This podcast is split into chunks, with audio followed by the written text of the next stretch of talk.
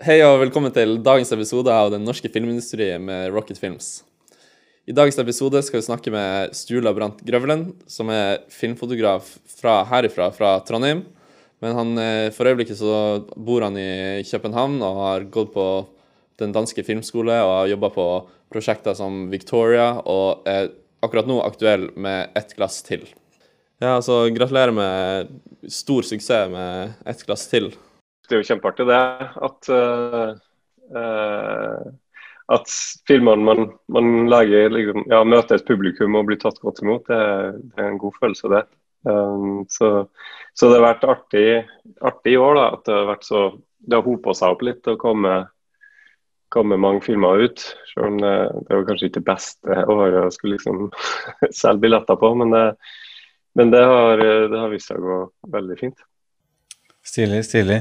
Vi tenker å komme innom eh, noen flere av prosjektene dine mm, litt senere. Men først eh, lurer jeg på, på, når det var du fant eh, interessen, eh, interessen, for film, og når du bestemte deg å, å um, angripe den karrieren. da. Kan du kunne fortelle litt om det?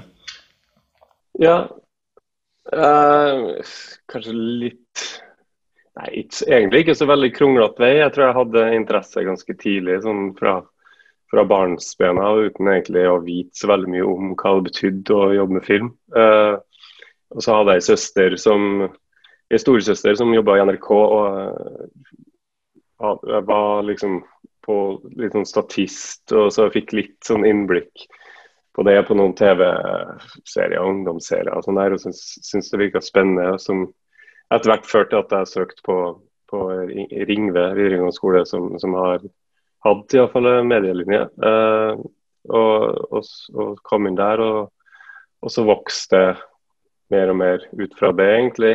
Um, studerte ja, media der, og så gikk på folkehøyskole og jobba litt med Det var litt mer sånn generelt uh, TV, film, radio, sånn medie-approach. Mm.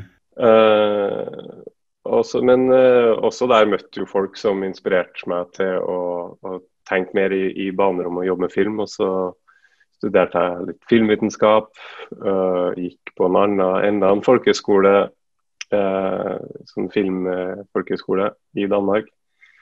Uh, og så tok jeg litt en avstikker og begynte å interessere meg mer for, for heter det, ja, kunstverden og gikk på Kunstakademiet i Bergen i noen år. Tok en mm. bachelor derfra.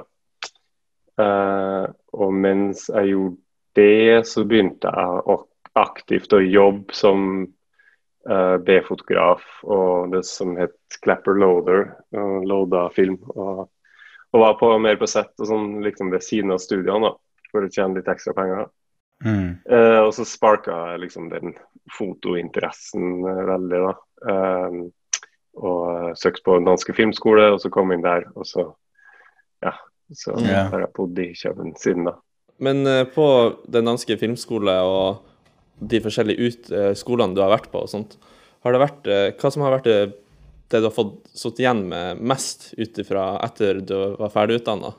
Uh, jeg tenker, jeg, tenker, Hvis jeg ser tilbake på min progresjon, så, så, så kan kanskje de der tre årene i Bergen sånn på kunst, uh, altså Kunstakademiet uh, føles litt som et sidespor, men jeg tror faktisk det var veldig viktig for min utvikling da, at jeg uh, fikk en, kanskje en, en annen måte å tenke tenke konsept på og prosess på.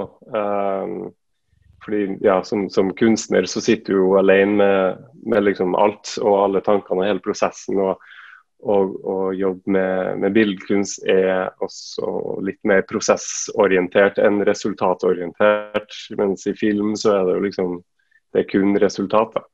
Uh, så jeg tror det fikk jeg ganske mye ut av. Og, og ja, som, som, jeg føler at det hjalp meg til å eh, på en måte kunne ta bedre inn det jeg fikk på den danske filmskolen. Altså jeg har sett det i en, en kontekst som, som passer meg. hvor det, På filmskolen er det jo veldig er jo, er det jo kun film man, man eh, fokuserer på. Man, mm. man, er veldig i den bobla.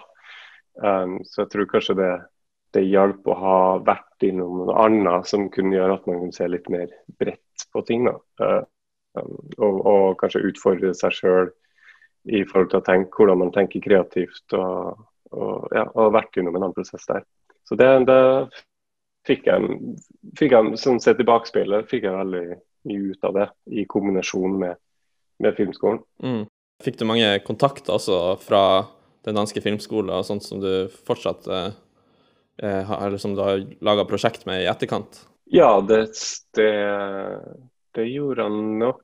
Eh, kanskje mest i, i, starten, men det er jo, det er jo, det er jo Man blir jo en, en, gjeng, liksom, så man holder holder kontakten eh, mm. med eh, ganske mange etter hvert. Jeg har uh, bl.a. En, en norsk produsent som jeg gikk på skolen med, Jakob Jarek, som, som har et selskap som heter Profile Pictures, som jeg har laga en del prosjekter med. Um, Bl.a. en spillefilm med Ali Abbasi, som nå er kanskje kjent for uh, 'Grense', som han jo vant i Cannes. Mm. Uh, hans første film laga vi. Uh, jeg gikk jo på filmskolen med Ali og laga avgangsfilm med Ali og Jakob. Så, det, så det, det, er jo noen sånne konstellasjoner som ofte henger igjen også etter filmskolen. Um, ja. Så det, det, er helt klart et, et godt sted å finne seg et nettverk og finne seg noen lekekamerater. Mm.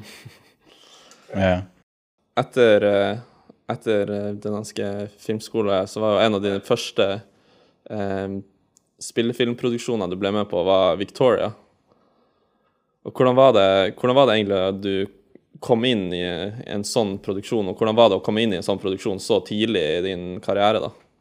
Ja, det, ja, vil jo si at på det tidspunktet så, så, ja, så, så var det gjort Altså, jeg så ut på Altså, jeg hadde ikke noen karriere, egentlig. jeg, jeg hadde Det var vel to år etter filmskolen at jeg fikk min første spillefilm. Som var litt av sånn tilfeldighet. Etter filmskolen så jobba jeg mest med dokumentarfilm, fordi det, det, er litt enklere å få en fot innenfor der. fordi prosjektene strekker seg over mye lengre tid, og ofte er det flere fotografer som skal inn over. og også Hvis man kjenner noen som, eh, som, ikke kan en fotograf, som ikke kan, så ringer de til deg, og så kan du ta en uke her eller en uke der. Og så, og så, så på den måten så, så, det, så, kan man holde seg aktiv. da. Um, og så gjorde jeg en masse sånn gratisprosjekter, kortfilmer, musikkvideoer og sånn der. Og så var det én musikkvideo som en regissør hadde sett som han kicka på og syntes var, var, fantastisk. Og på det tidspunktet så skulle han i gang med en spillefilm, eh, og de hadde håpa på å få norske penger. Så det at jeg var norsk, da, mm. var plutselig en, en faktor som, som, kunne hjelpe meg til å få et ja, ligge litt foran. Mm. Eh, og så møttes vi, og så var det god kjemi og alt det der. Og så, og så ja, Det endte med at de ikke fikk noen norske penger, men det ble noen fotograf på filmen likevel. Eh, og, og så, så, så, gjorde vi den, og på den filmen så var Sebastian Schipper eh, skuespiller. Eh, så det var sånn jeg møtte han. Og, og han syntes det var spennende den måten vi gjorde denne filmen på. Altså, fordi Vi filma lange takes, og det var mer litt sånn doko-approach. og vi, var, vi, hadde ingen penger, egentlig, så det var veldig sånn lite crew og, og sparsommelig. Um, og det var liksom Han hadde Victoria uh, allerede i gang med den prosessen på det tidspunktet. Um, og så var det Så vi snakka litt om det sånn til lunsjen og, og ble litt kjent og sånn, men uh, ikke noe mer enn det. Og så var det regissøren på den filmen sa til meg at du må, du må bare ringe til henne og spørre om du ikke skal være fotograf på, det, på, det, prosjektet. Og jeg er jo egentlig sånn en uh, fyr som liker å stikke hodet fram og, og liksom promotere meg sjøl på den måten der. Da. Uh, men så tenkte jeg OK, faen heller må nå bare prøve å, å, liksom, ja, å være, gå litt utenfor min comfort zone. da. Mm. Og så gjøre det. Og så ringte jeg, og så, og så var Sebastian veldig positiv til det. Og satte opp et møte og dro til Berlin og, og, og, så var den liksom i boks, og så gikk vi i gang med å jobbe med det. Så det er sånn Ja, det var den lange historien hvordan jeg liksom kom, kom til det prosjektet som jo for min del ble eh, liksom eh, ja, et stort karrierehopp, da. Eller det som liksom definerte min karriere. Uh, og, og, ga meg virkelig et, et uh, ja, et godt utgangspunkt for, um, ja, for resten av, av ja, min karriere. Så det var det er for å si at det var tilfeldig noen gang også, og at man mm. skal være, ha, ha, litt flaks og være litt sånn på rett, rett sted til rett tid, men også huske å liksom gå litt forbi sin comfort zone. Det er iallfall den lærdommen jeg tok ut av det. At, at, uh, at, man på den måten kan skape sin egen uh, flaks, på en måte. Mm. Du fikk jo, vant jo Sølvbjørn på filmfestivalen i Berlin for uh, foto på uh, Victoria. Hvordan var det å få den prisen og gå på scenen? Ja, det var jo vilt. Altså, det, som, som, sagt, det var liksom min andre spillefilm. Jeg hadde jo ikke noe uh, omtrent vært på en filmfestival i liksom, på den måten hvor jeg var, hadde representert en, en film. og um, Så det var det var jo bare egentlig kult å være der og få liksom gå og se filmer gratis og sånn der. Og så, så, det var liksom å få en pris, det var, var ikke på min radar i hele tatt. Det var bare jævlig artig å være med på, på hele det sirkuset. Uh, så uh, og, så, og så var liksom når jeg nærma seg um, prisutdeling og sånn, så, så ble jeg oppfordra til å liksom bli, da. Og da skjønte kanskje at shit, er det ligger det er det liksom mulig at de kan gi noe til meg? Det var mm. ganske sært å skulle forholde seg til. Og så, ja, og så skjedde jo det. Og da ja, så er man jo bare litt sånn uh, ute av sin egen kropp, egentlig. og står der og, og, og blir liksom uh, ja, ropt opp av Darren Aronofsky og, uh, og skal stå der og liksom si takk for det. ja, ikke sant. og, ja, det var sært. Men uh, jævlig artig, selvfølgelig. Det var, det var artig. Ja. ja. det høres ganske ubegripelig ut for, uh, for, vår del. Ganske stort. Ja. ja. Mm, men på um, Det var jo spennende hvordan du kom inn på Victoria-prosjektet. Men når det kommer til, um, til innspillingen og på sett, hvordan var samarbeidet med Sebastian Schipper, og hvordan var din rolle på, på innspillingen? da? Hvordan fungerte det? Ja, det var jo en, en lang utviklingsperiode som, som liksom la grunnlaget for, for selve innspillinga. Vi, vi, eh, først liksom eh, Selvfølgelig var hvis vi, vi ville at det skulle være et one take, det var liksom ambisjonen, men vi var klar over at, at det er jo det er langt fra liksom, ambisjon til, til resultat. Um, så vi begynte å øve oss rett og slett på å gjøre vi gjorde noen kortfilmer, liksom noen tester med skuespillerne hvor vi filma ja, 15-20 minutter.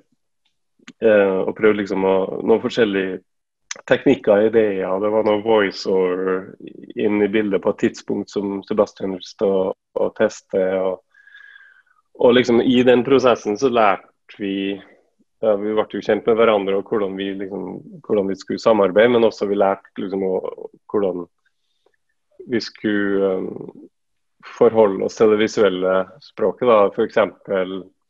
var det en av, av de kortfilmene vi, vi laga hvor vi liksom følte at, at kamera vi, Etter hvert take så ble vi liksom flinkere og flinkere til å liksom forutse kamerabevegelser. Det ble, liksom, det ble mer um, finpussa. Uh, og det var og, det ble litt lekkert, liksom. at uh, Eh, og det var jo egentlig ikke det vi hadde lyst til. Vi hadde jo lyst til å lage en sånn her i nuet-opplevelse. Eh, der, mm.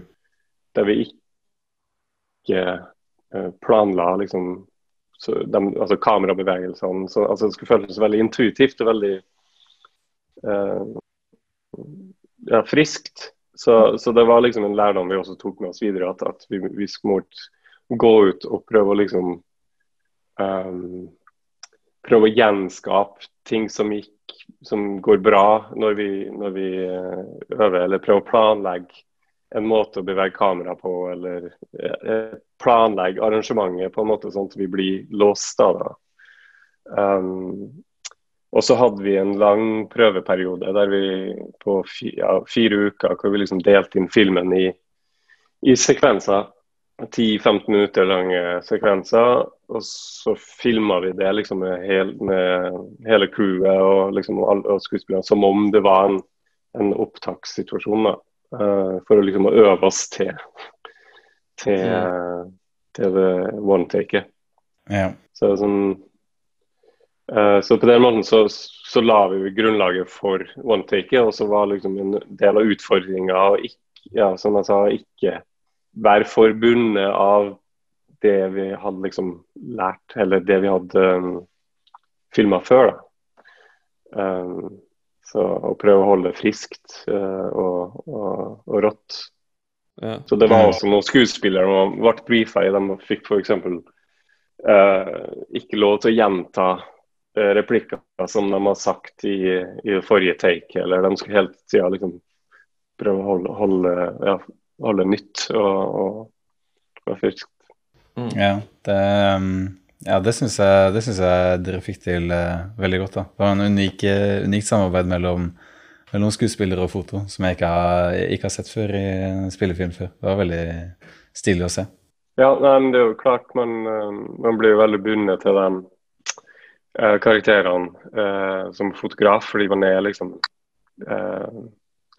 Ja, det, det er bare så hva skal man kalle det? Man blir så det, Jeg ble liksom eh, den eh, femte medlemmet av den gjengen, eller hva skal jeg si. Ja. Så, uh, vi hadde liksom, vi hadde én regel, og det, det, var at de ikke måtte stikke av fra meg. liksom, fordi de glemte jo alt om, om kamera og sånn, så, så, plutselig hvis de sprang av gårde, så, så, så, kunne jeg bli hekta av. ikke sant? Uh, og det hadde jo ikke fungert. Så det var liksom, det var den eneste regelen i forhold til dem. da, og, og i forhold til meg så var mitt eh, omdreiningspunkt visste jeg at hvis, hvis, jeg var i tvil om hvor jeg skulle peke kamera, så var det liksom bare å peke kamera på, på Laia Costa, som, som spilte Victoria. fordi liksom det historien spinnes om, om, om henne. så, mm. ja. Så, så, det var liksom to, to sånne ting som tok med oss. Ja, to regler. Hvor mange tagninger tok dere av hele filmen? Eh, tre tagninger. Ja. Så vi hadde uh, Ja, det var det vi hadde råd til. Og så,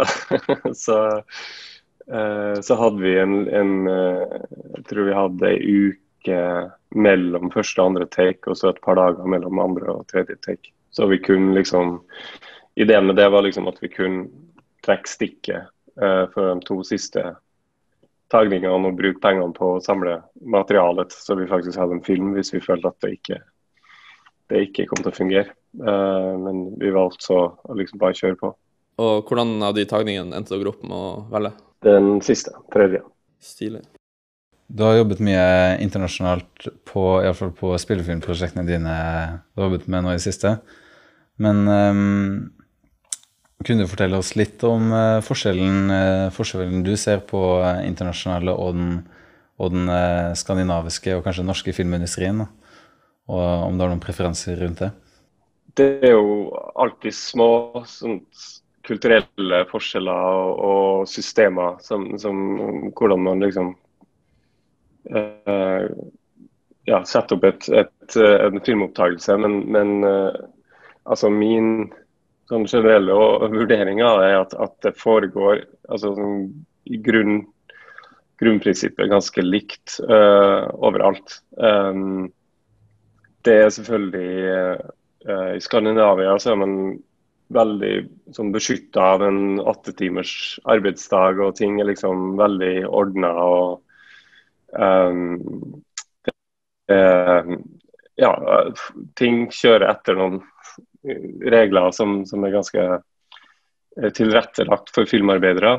Uh, I USA så er det tror jeg de har en holdning at de kanskje, de kanskje skryter mer av at de har, fordi det er så mye fagforeninger og sånn, men, men, det er ikke nødvendigvis, syns jeg, da, ting som kommer filmarbeiderne til gode. Det er bare et, et litt sånn uh, kapitalistisk system som, som, ja, Det handler om penger mer enn annet.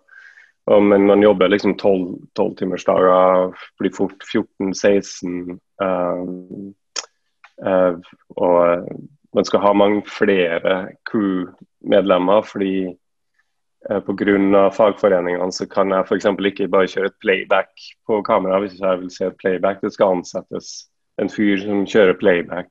og Det skal ansettes en kameraoperatør selv om jeg uh, opererer. Uh, altså sånne ting som, som mm.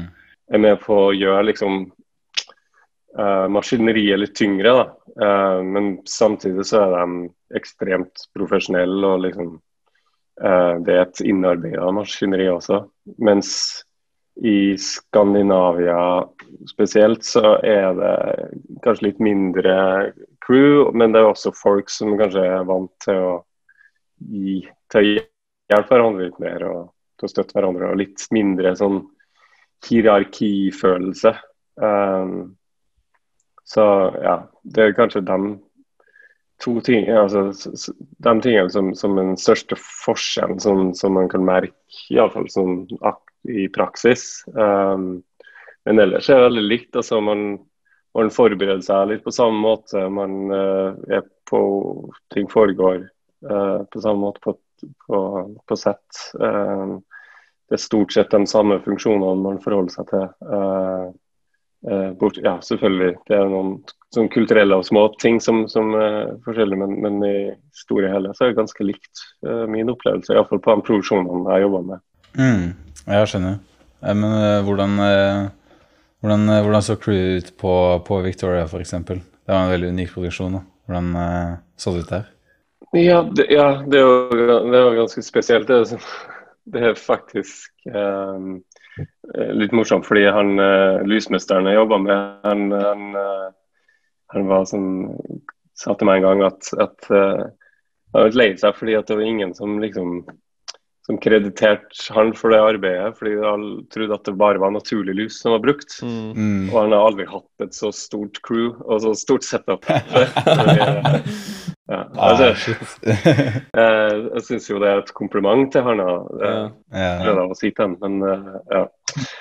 Så Eh, så, så, der var det en, en, selvfølgelig Når vi gjorde one take, så var vi avhengig av en veldig stor lysavdeling fordi vi skulle lyse et 22 sett, liksom, i, i fall på en eller annen måte.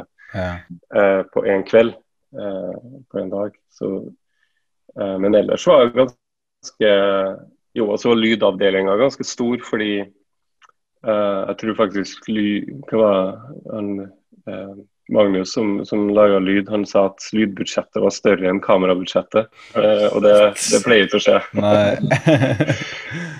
Vi hadde jo et, et kamera i en optikk, og det var litt sånn ready to go. Mens uh, han hadde utrolig Jeg hadde fått spesialfløy inn noe sånn, eller noen spesial microports som hadde en lengre rekkevidde. og hadde fire forskjellige teams som liksom sto bak et hjørne og kom med en boom, og, og så liksom tok neste over til neste location. Så det var liksom det var, Lydavdelingen var ganske stor i forhold til en normal opptaks uh, ja, situasjon hvor det er, de er maks to, liksom. Uh, her var de i hvert fall seks. eller noe sånt. Og det samme med, med innspillings... Altså assistant director-avdelinga. Altså, de, de, var også ganske mange, fordi de måtte ha øya på alt som skjedde i kulissene. Jeg ja. tror de var seks-åtte stykker som, som, kommunikerte hele tida. Uh, men på kamera så var det jo ja, da var det jo meg og en, en B-fotograf. Uh, og så ja, sprang vi rundt og, og filma. ja, ikke sant. Stilig. Husker du eh, hvilket optikk dere filma med på den? Ja, vi, vi brukte et uh, Canon Z-runde med en, en, prime size, standard prime etter en 24 mm. Stilig, stilig. Vi brukte kamera, og det, det var litt lenge, for vi hadde et kamera til som B-fotografen hadde i, i, en ryggsekk. Så han liksom, hvis det skulle skje noe med, med kameraet som vi filma med, så var det å liksom bare dra opp det. At det var en, en kopi av det, det vi filma med. Så bare fortsett, liksom. Når du tenker tilbake på Victoria, hva er det du husker best fra den produksjonen? Nei, ikke, altså, det syns jeg er vanskelig å, å pinpointe. Men, eh, men, uh, det er i hvert fall en opplevelse som har satt seg uh, Som var i ganske tidlig preproduksjon, der jeg liksom skulle starte et samarbeid med, med Sebastian. Uh, og han inviterte meg hjem til seg for å drikke te. Og jeg tenkte vi skulle liksom diskutere scener eller strategier eller ja. Og, og, men så satt vi bare og drakk te, og så satt den på i plate. Og så, og så satt vi i en time og bare hørte på musikk uten å si noe. Uh, og, uh, ja, på en eller annen måte så tror jeg det var jævlig det var veldig viktig for oss å liksom bonde over den andre enn akkurat den filmen, for å liksom ja, på en eller annen måte forstå hverandre, eller bare kunne sitte der og være stille i hverandres selskap eller uh, et eller annet sånt der. Som, uh, ja, som jeg verken har prøvd før eller siden, men som var en interessant uh, og veldig fin, fin opplevelse. som egentlig ikke har noe med filmen å gjøre i det hele tatt, men, men iallfall et minne fra den tida vi, vi, vi laga filmen som, som, har gjort inntrykk. Mm, stilig. Når du um, snakker om bonding, bonding med han Sebastian, regissør på prosjektet her, hvordan har eh, samarbeidet ditt vært med de andre regissørene du har jobbet med på spillefilmene dine? Ja, jeg syns jo hver, hver, opplevelse er veldig forskjellig.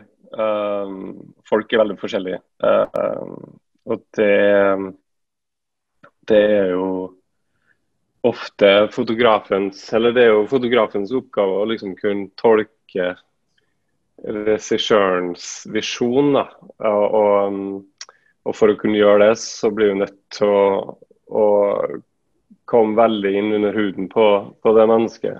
Og det er ikke alltid regissørene eh, nødvendigvis vet eller kan artikulere hva de vil ha, eller hva de, visjonen deres er, eller de har bruk for å se det, eller de har bruk for å eh, snakke veldig mye om det, eller de har bruk bare for å fortelle det. Men du liksom, det blir, det, man er litt sånn hobbypsykolog. Eh, der du skal liksom for å veldig forstå et annet menneske, for å forstå eh, visjonen deres. da, Forstå hva de vil og hva de, hva de liker. Smak. Det er veldig mye med smak å gjøre. ikke sant? Mm. Um, uh, og regissørene sitter jo med liksom et veldig stort veldig stort ansvar uh, og skal micromanage veldig mye. og Um, og de, min, min, opplevelse er derfor at de er, de er utrolig lykkelige når du som fotograf uh, kommer inn og hjelper dem med, med alt de, de, har på sine skuldre. Mm. Uh, så, så, det er en veldig takknemlig oppgave også å, å komme inn og liksom bare være uh, Eller bare, men være høyre hånd. Da, og, og kunne liksom bidra og supplere og, og inspirere. Um, det, men det er en veldig forskjellig opplevelse hver gang, og man møter forskjellige egoer som har bruk for forskjellige ting. Så, så det handler jo mye om, om å tilpasse seg, syns jeg da. Eh, Iallfall er viktig for meg. Um, ja, så, men, men, jeg syns jo det har De fleste, aller fleste prosjektene jeg jobber på, så har det vært gode, veldig gode samarbeider. Um, og jeg tror òg det er fordi at uh, både regissør og fotograf vet hvor krevende det er å lage film. Så man, man, man har en tendens til å styre unna folk man ikke merker en form for kjemi med, eller ikke svinger helt med, uansett hvor, hvor spennende prosjektet er, eller hvor dyktig fotografen er, eller talentfulle. Altså, altså, man vil jobbe folk man føler man kan eh, ja, svinge med. Um, så, så, det, og det oppdager man jo ofte på en, en, et første møte, eller det er jo mye sånn førsteinntrykk, eller ja, det er bare kjemi, egentlig. Mm, Sirlig. Så um, ut ifra all den uh, erfaringen du har hatt, um, hatt over de prosjektene og, og, tidligere, er det noe du skulle ønske du hadde visst uh, før du kom inn i, inn i businessen her? Den er tricky. Uh, altså På en eller annen måte så har jeg litt omvendt. Altså jeg synes Jo mer man vet, jo mer vet man hva man ikke vet. Altså det, jeg, jeg tror hvis, hvis jeg hadde fått tilbud om Victoria i dag, så hadde jeg sikkert takka nei. Fordi det, altså, jeg vet hvor komplisert og vanskelig det vil være. og slitsomt. og sånn der, så, og, uh, Jeg tror jeg ville ha tenkt, tenkt i hjel og, og, planlagt for mye. eller et eller annet. Det var et eller annet med at, at, uh, at man bare sånn, kasta seg ut i det fordi man ikke visste bedre, som, som, jeg tror faktisk var veldig bra for det prosjektet også. Um, jeg tror ikke jeg har noen sånne uh, ting som, som vi enten ville ha gjort ting enklere eller skremt meg bort hvis jeg visste før. eller sånn um, jeg tror, jeg tror, det eneste Eller det, det jeg lærte tidlig, da, kanskje var, det var det der med å liksom kaste seg litt ut på, på tynn is. Altså å ikke å komme seg ut av sin, sånn comfort zone og, og uh, ja, ta den telefonen, liksom. Eller snakke kontakte mennesket, eller ta det prosjektet, selv om det er litt uh, Du ikke helt vet hvordan det kommer til å fungere. Altså, det, ja, det, det, tror jeg Um, jeg tror jeg var heldig å oppdage det tidlig, veldig tidlig, men, men uh, det kunne også vært at jeg ikke hadde ja, fått det rådet uh, og, og, liksom vært litt mer søkt, vært litt mer trygghetssøkende. Mm. Altså Når du ser tilbake på dine tidligere prosjekt, er det noen feil du uh, har gjort som du føler som står sterkt, da, som du lærte mye av? da? man gjør så mange feil hele tida. Altså, jeg, jeg, syns, jeg syns liksom ikke det Jeg syns ikke det blir mindre feil, liksom. Uh, fordi, fordi, det finnes heller ikke en sånn Det finnes jo ikke en manual heller, altså, og det skal det ikke gjøre. Jeg tror også noe jeg lærte tidlig med Victoria, var at liksom vi visste at det her er et one take. Alle all feil som vi gjør, blir en del av denne filmen. Liksom. Det er et state. Vi kan ikke unngå det. Vi må heller bare omfavne det. Og så si liksom OK, her er en feil. Den er, den er fet. den er bra. Mm. Det er en god feil. Den skal vi dyrke, liksom. Og nå har jeg oppdaga med, med, Når jeg liksom har gjort et prosjekt og, og får, får, lov til å, å komme i klipperommet, og, og syns ofte at uh, eh, klipperne eh, syns det er spennende med feil. Da, fordi det er et eller annet uventa, eller liksom der fotografen snubler litt og rister på en merkelig måte, eller der det liksom skjer et eller annet uventa som man betrakter som feil. Det, det, er ikke nødvendigvis en dårlig ting. Jeg tror det blir en dårlig ting når du blir liksom veldig fokusert på at det var en feil, og veldig fokusert på at det er ikke sånn man skal gjøre det. eller uh, fordi så, ja, så blir du stressa. Og så ja, og så, så, lærer du egentlig mindre enn hvis du bare tar til deg og sier at det her er, det her er noe interessant. Det er interessant, det her. Uh, så jeg tror det finnes sånn anekdote fra David Lynch som, som uh, satt foran monitoren på Lost Highway eller noe sånt her, og så fotografen uh, hva det, Fred Elms, ja, skulle skifte optikk.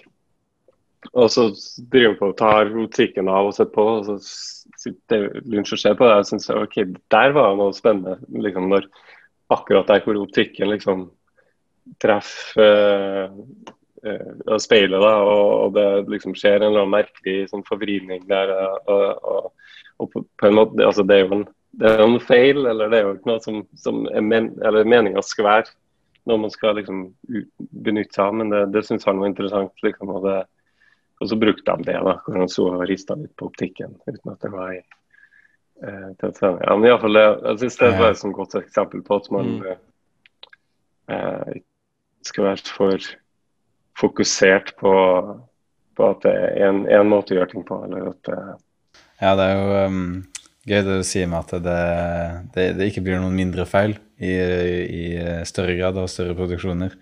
Jeg husker ikke hvem det var som sa det til oss, men uh, det var noen som sa at uh, film, filmskaping der var uh, uendelig problemløsning dag inn dag ut. Du får det, ja. møter nye problemer, og jeg har merka det samme at eh, det, er veldig, det, er veldig, sant, det. da. Det er problemløsning eh, som er den daglige jobben. på en måte. Ja, det er veldig, det er veldig sant. Ja, det er veldig, veldig sant. Og det um, Ja, det er derfor man, man, Det er vanskelig å forholde seg til, til, feil på en måte, fordi man prøver jo alltid å planlegge uh, så mye som mulig. Men, men, virkeligheten ser jo bare annerledes ut. Altså Plutselig skal man forholde seg til at det er overskyet istedenfor at det er sol, eller omvendt, eller at det regner. eller det skal, altså, Så blir man nødt til å reagere på, på det, eller at Ja, det, det, det, skjer jo bare et eller annet feil hver dag. Uh, til hver scene nærmest, som man må liksom bare agere på. Uh, forholde seg til. Og så kan man ja velge da å insistere på at det skal være sol, og vente på sola, eller omfavne at det er overskya, liksom. Um, det, så det, det, blir ikke lettere.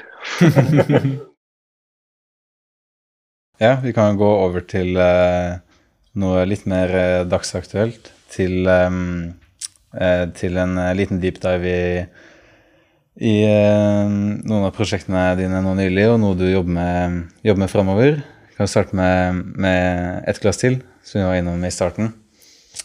Hvordan, hvordan var det du kom inn, eh, Hvordan ble du del av den prosessen sammen med Thomas Winterberg? Ja, det er også en, en lang historie. Men, det er hele dagen, så det går fint. Nei, den, altså, det, det starta egentlig bare med at uh, uh, Anne Østerud, som også er faktisk en norsk, uh, ekstremt kreditert klipper, som klipper for Thomas Uh, hun klippa en film som jeg gjorde på Island, som heter 'Heartstone'. Uh, og uh, jeg kjente Anne litt fra før, fordi hun var sånn konsulent på filmskolen. og hun faktisk, Foreldrene hennes bodde i Trondheim på et tidspunkt, så det hendte at vi endte opp på samme fly når hun dro hjem til jul. og sånn der, Så jeg kjente Anne fra før. og så men så syns hun det var utrolig spennende det vi gjorde på Heartstone, da, eh, sånn fotografisk. Og hun visste at Thomas lette etter en ny fotograf å samarbeide med på, til sitt neste prosjekt. Så hun inviterte Thomas inn i klipperommet og, og, sa se på det her. Mm. Um, og så hører hun om etter historien at Aslak Lythans, som er min faste lysmester, som det heter på dansk. Han eh, er barndomsvenn av Thomas, og, og, de kjenner hverandre veldig godt. Så han har også snakka godt om meg i sånn privat sammenheng med, okay, ja. med, Thomas. Så, så, Thomas tok kontakt, og så sa han at uh, jeg har, ja, jeg har det her prosjektet som, uh, om, om, alkohol, som jeg skulle vært spennende å jobbe der. Eh, med. Eh, og så, ja, så, møttes vi omkring det et par ganger. Og så skifta han plutselig fokus til en, eh, en, stor internasjonal film som heter 'Kursk'. Som, som han plutselig fikk tilbud om og bestemte at han ville lage før et glass til. Og da tok han meg med på det prosjektet, og vi forberedte fem-seks uker eller noe sånt. Uh, før det ble utsatt og krasja med et annet prosjekt jeg hadde, som, uh, som jeg, så jeg måtte liksom takke nei til det. Uh, men når han da skulle starte opp igjen med et plass til, så, så ringte han og spurte om jeg hadde lyst til å være med. Så, ja, så, så jeg kjente, kjent hverandre i ganske mange år. Det var meninga vi skulle ha gjort et glass til egentlig for fem år siden. Og sånt, så. Okay. Jeg vet ikke um, Var du noe involvert i uh, klippeprosessen i det hele tatt på Et glass til? Nei, veldig lite.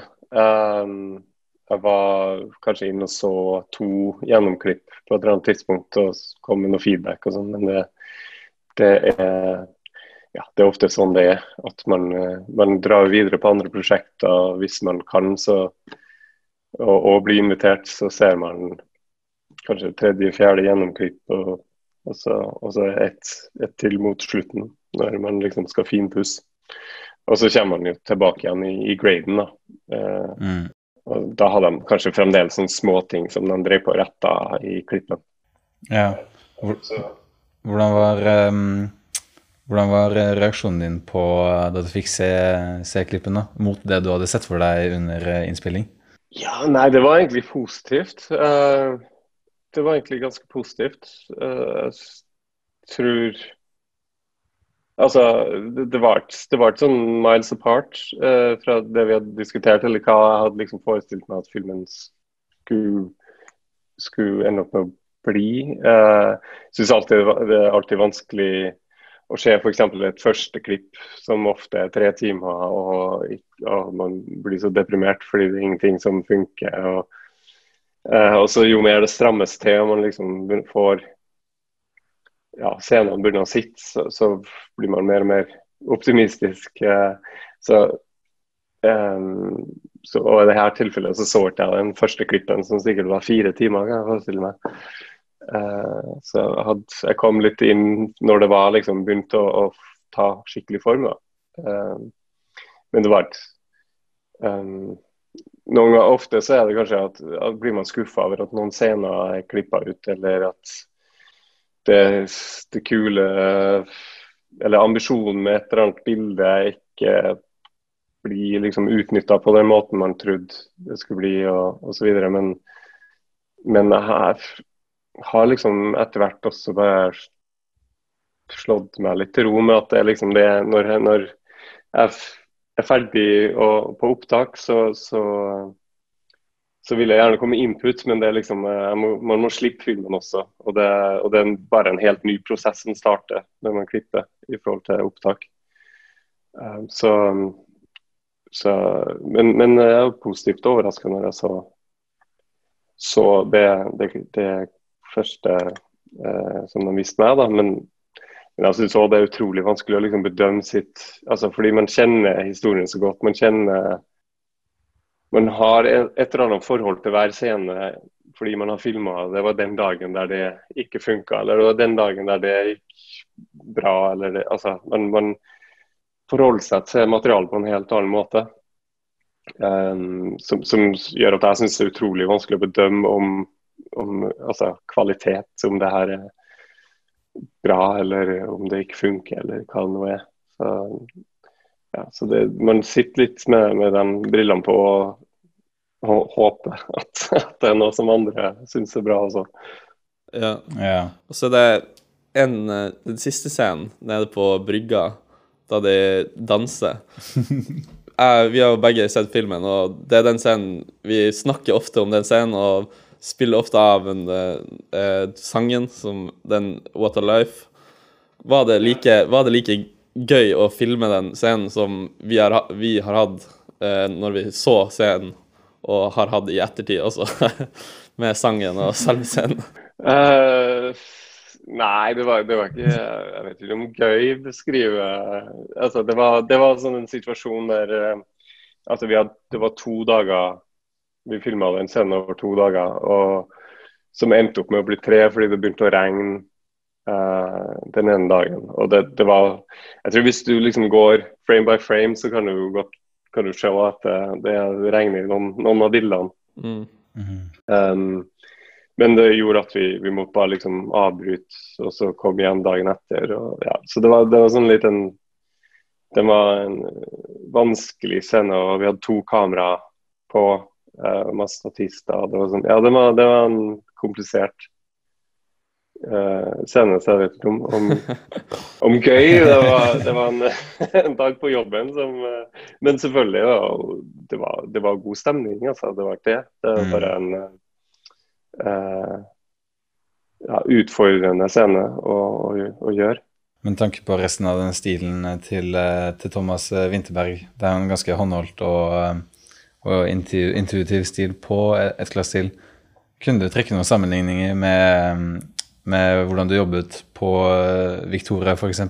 Til, eh, til et glass til, eller hadde han en veldig, veldig spesiell eh, stil som du måtte jobbe mye for å tilrettelegge til? Nei, jeg, jeg syns ofte jeg trekker på, på, de erfaringene jeg, jeg gjorde med Victoria. Um, og, men, men, mest egentlig i forhold til den måten man um, prøver å å portrettere karakterene på. Altså at man, man prøver at man Jeg tror jeg oppdaga på Victoria at man kan kan gjøre en slags sånn method-aktig kamera. at Der man virkelig prøver å sette seg inn i situasjonen som karakterene opplever. At man prøver å være en å forstå skuespilleren. da, hva, hva, skuespilleren går gjennom og, og opplever og føler. og Jeg stiller ofte spørsmål altså, til skuespillerne, liksom, hvordan de angriper en scene sånn, emosjonelt. Fordi mm.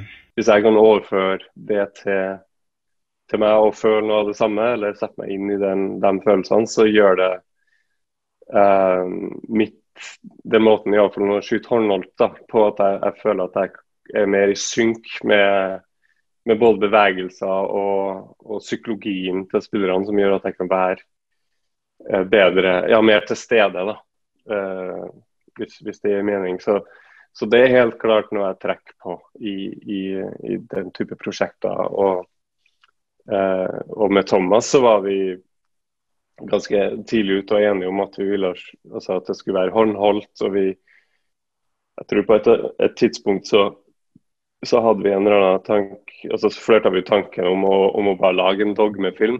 Eh, altså, mm. Men jeg syns Thomas ble litt for tilbakeskuende og liksom prøve å ja, forholde oss til den, den, den, tida vi lever i, i, i dag også. Um, så, men, men, det var Det var jo Altså, jeg tror Thomas har egentlig ganske forskjellig smak på mange måter. Uh, så det var kanskje et, en, en, et krasj der noen gang hvor, hvor, Thomas ville være mer konvensjonell eller mer, være litt mer safe, da, mens jeg var kanskje mer ute etter et, et, et lett, mer lett og rått uttrykk. Uh, så, men jeg, tror, jeg føler jo at det fant sin, sin balanse også.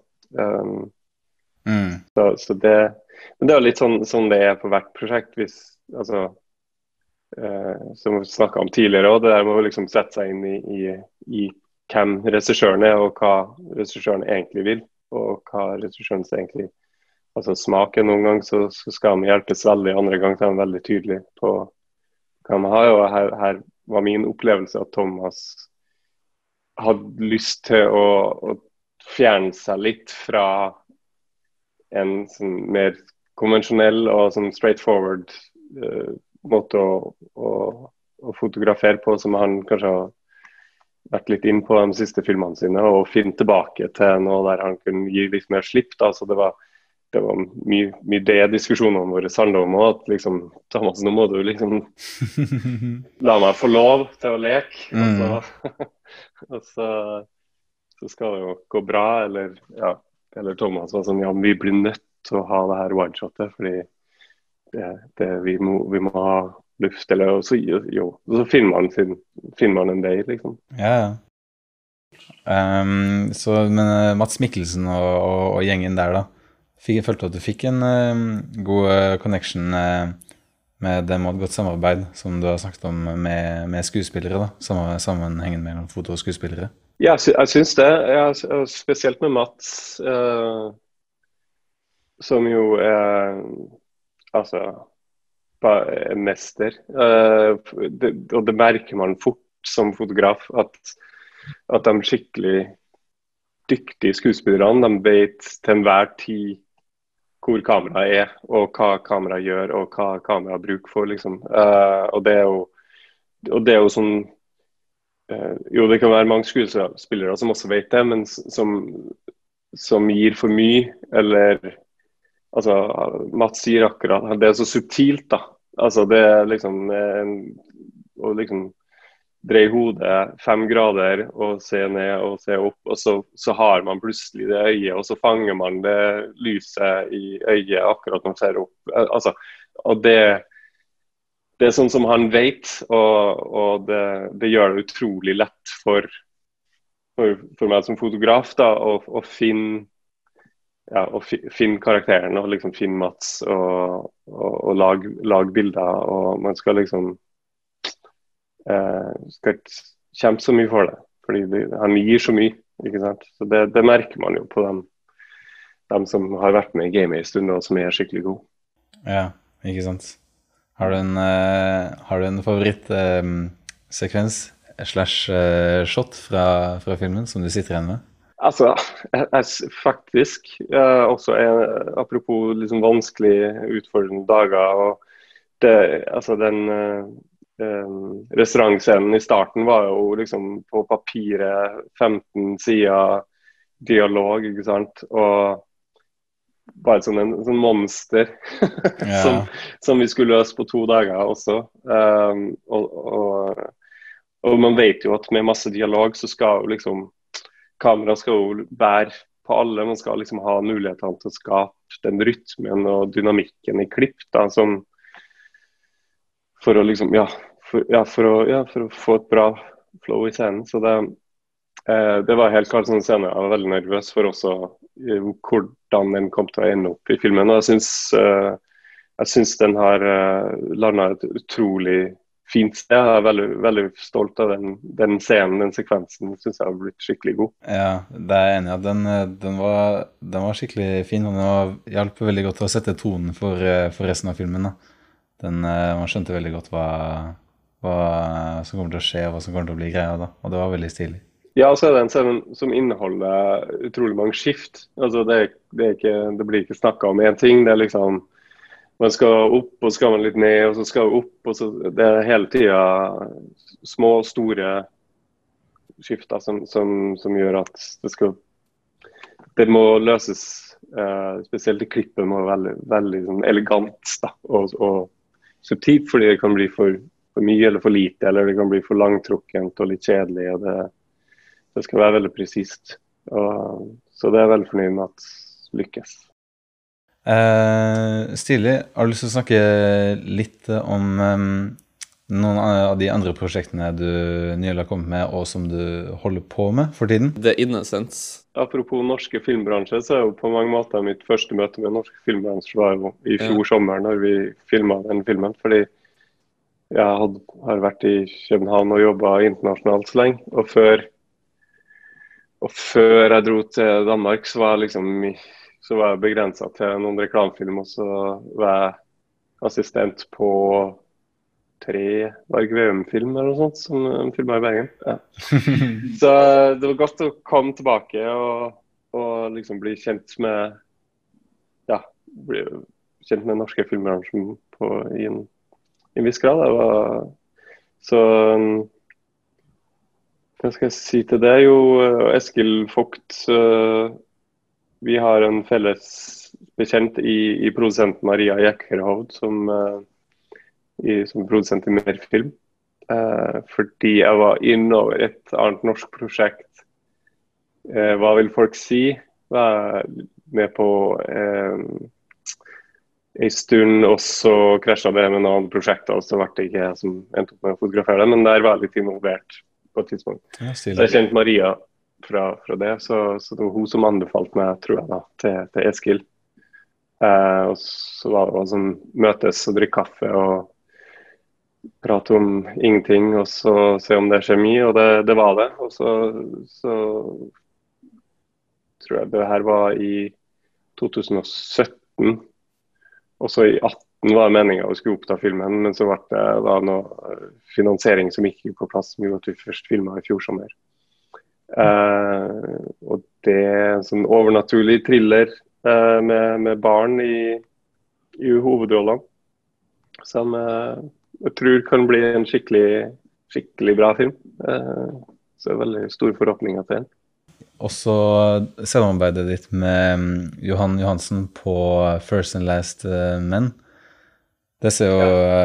det ser jo Jeg har bare sett en kort trailer av det, men det ser utrolig spennende ut. Du kan fortelle litt om det? Jo, det er en, eh, en, en, lang historie med den filmen. Det var, det var, igjen tilbake til min første spillefilm, som Johan var komponist på. Mm. Mm. Eh, og det var liksom før han eh, jeg hadde gjort ting i Hollywood og sånn der, så han, hadde, han, han var islending som har flytta til København og gjort en, begynt å gjøre litt dokumentar og litt fiksjon. Og så, så, uh, så vi møttes i Berlin egentlig på grunn av, av det, at vi var nysgjerrige på hverandre. Uh, og Han hadde nettopp flytta til Berlin, og jeg var her for å jobbe med Victoria. Mm. Uh, og så fortalte han om at han hadde det prosjektet som han hadde gått og, eller hadde lyst til å, å filme.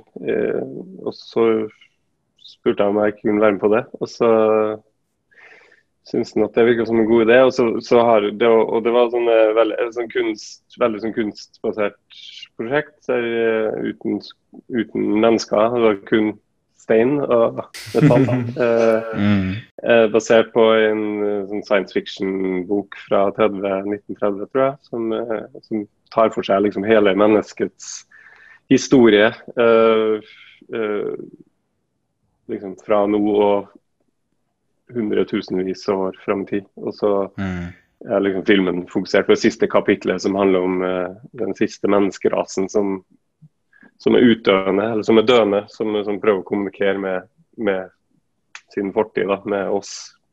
Eh, så det er en, en veldig konseptuell, eh, abstrakt film på mange måter. Det er veldig spennende å liksom være med på et sånt prosjekt også, som jeg tror igjen kanskje godt hjulpet av den lærdommen jeg fikk fra Kunstakademiet. At jeg hadde, uh, hadde uh, vært innom den type prosesser før.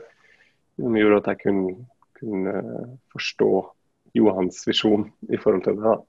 Ja. Uh, og så gikk jo Johan bort i 2018, før filmen var ferdig. Fordi han han ble jo, Mens vi var på opptak på, på den filmen, så ble han Oscar-nominert. og liksom Karrieren hans liksom tok et skikkelig løft. Mm. Uh, så han fikk jo så mye jobb som han syntes var spennende. Så han fikk liksom alle tid til å sette seg ned og gjøre denne filmen ferdig. da. Men, uh, men kom langt på, på, vei. Og så, etter at han gikk bort, så ble det liksom min ble jeg spurt av hans management og en produsent om jeg kunne være en slags uh, ja, hjelp filmen til å bli ferdig, da. Eh, som en slags sånn, kreativ produsent. Mm. Så, så, det jobba jeg med et, et, års tid også. Uh, derfor er jeg også kreditert som produsent på filmen. Mm. Selv om det var liksom foto som var mitt utgangspunkt. Ja. ja, riktig, riktig. Hvor var det dere filma, til den? Vi filma på, på, Balkan, altså Serbia, Kroatia, Montenegro eh, Kosovo. Ja. ja. Kjørte rundt der i tre uker og filma. Mm. Stilig, stilig. Ja, Den ser veldig, den ser veldig spennende ut. Det den. den er en ganske unik film. Og så har vi et sånt spørsmål vi har stilt eh, flere av eh, gjestene våre når vi eh, runder av. Det, hva betyr film for deg? Jeg tror nok fascinasjonen fra, liksom, fra, starten av har jo vært at man Altså historiefortelling, at man liksom blir eh, tatt vekk eh, og, og, liksom forført eh, inn i ukjente verden, andre kulturer. Man blir liksom Det er som å dra på en reise eh, i en slags drømmemåte. Altså det vil ofte at det blir sammenligna med drømmer, eh, film. Og det, det, det, tror jeg helt klart det er noe, der noe fascinasjonen ligger også. Eh, liksom kunne drømme seg vekk. Um, og selvfølgelig nå betyr film veldig mye for meg, fordi det er en, det er en, det er en livsstil. Altså det er en uh, det, det fyller nesten hele min hverdag. Altså det er jobben min, men det er det og det jeg liksom eh, brenner for, og det er det jeg interesserer meg mest i. og, og nå er jo, Det høres nesten trist ut. nå er liksom De fleste av vennene mine jobber med film eller har et eller annet med filmbransjen å gjøre, så man, man blir jo veldig ja, påvirka. Altså, det er rundt meg 24 timer i døgnet, liksom. Så eh, og som sagt, den, den livsstil som, uh, som jeg lever. Jeg reiser og jobber med film og snakker med regissører og leser manus. Altså, jeg leser mye flere manus enn jeg leser bøker. Altså, det, det, sånn er det blitt. Så um, det betyr mye for meg. bra svar. Ja, det er bra svar. det var alt vi hadde for denne gangen. Husk å følge oss på Facebook, Instagram og YouTube.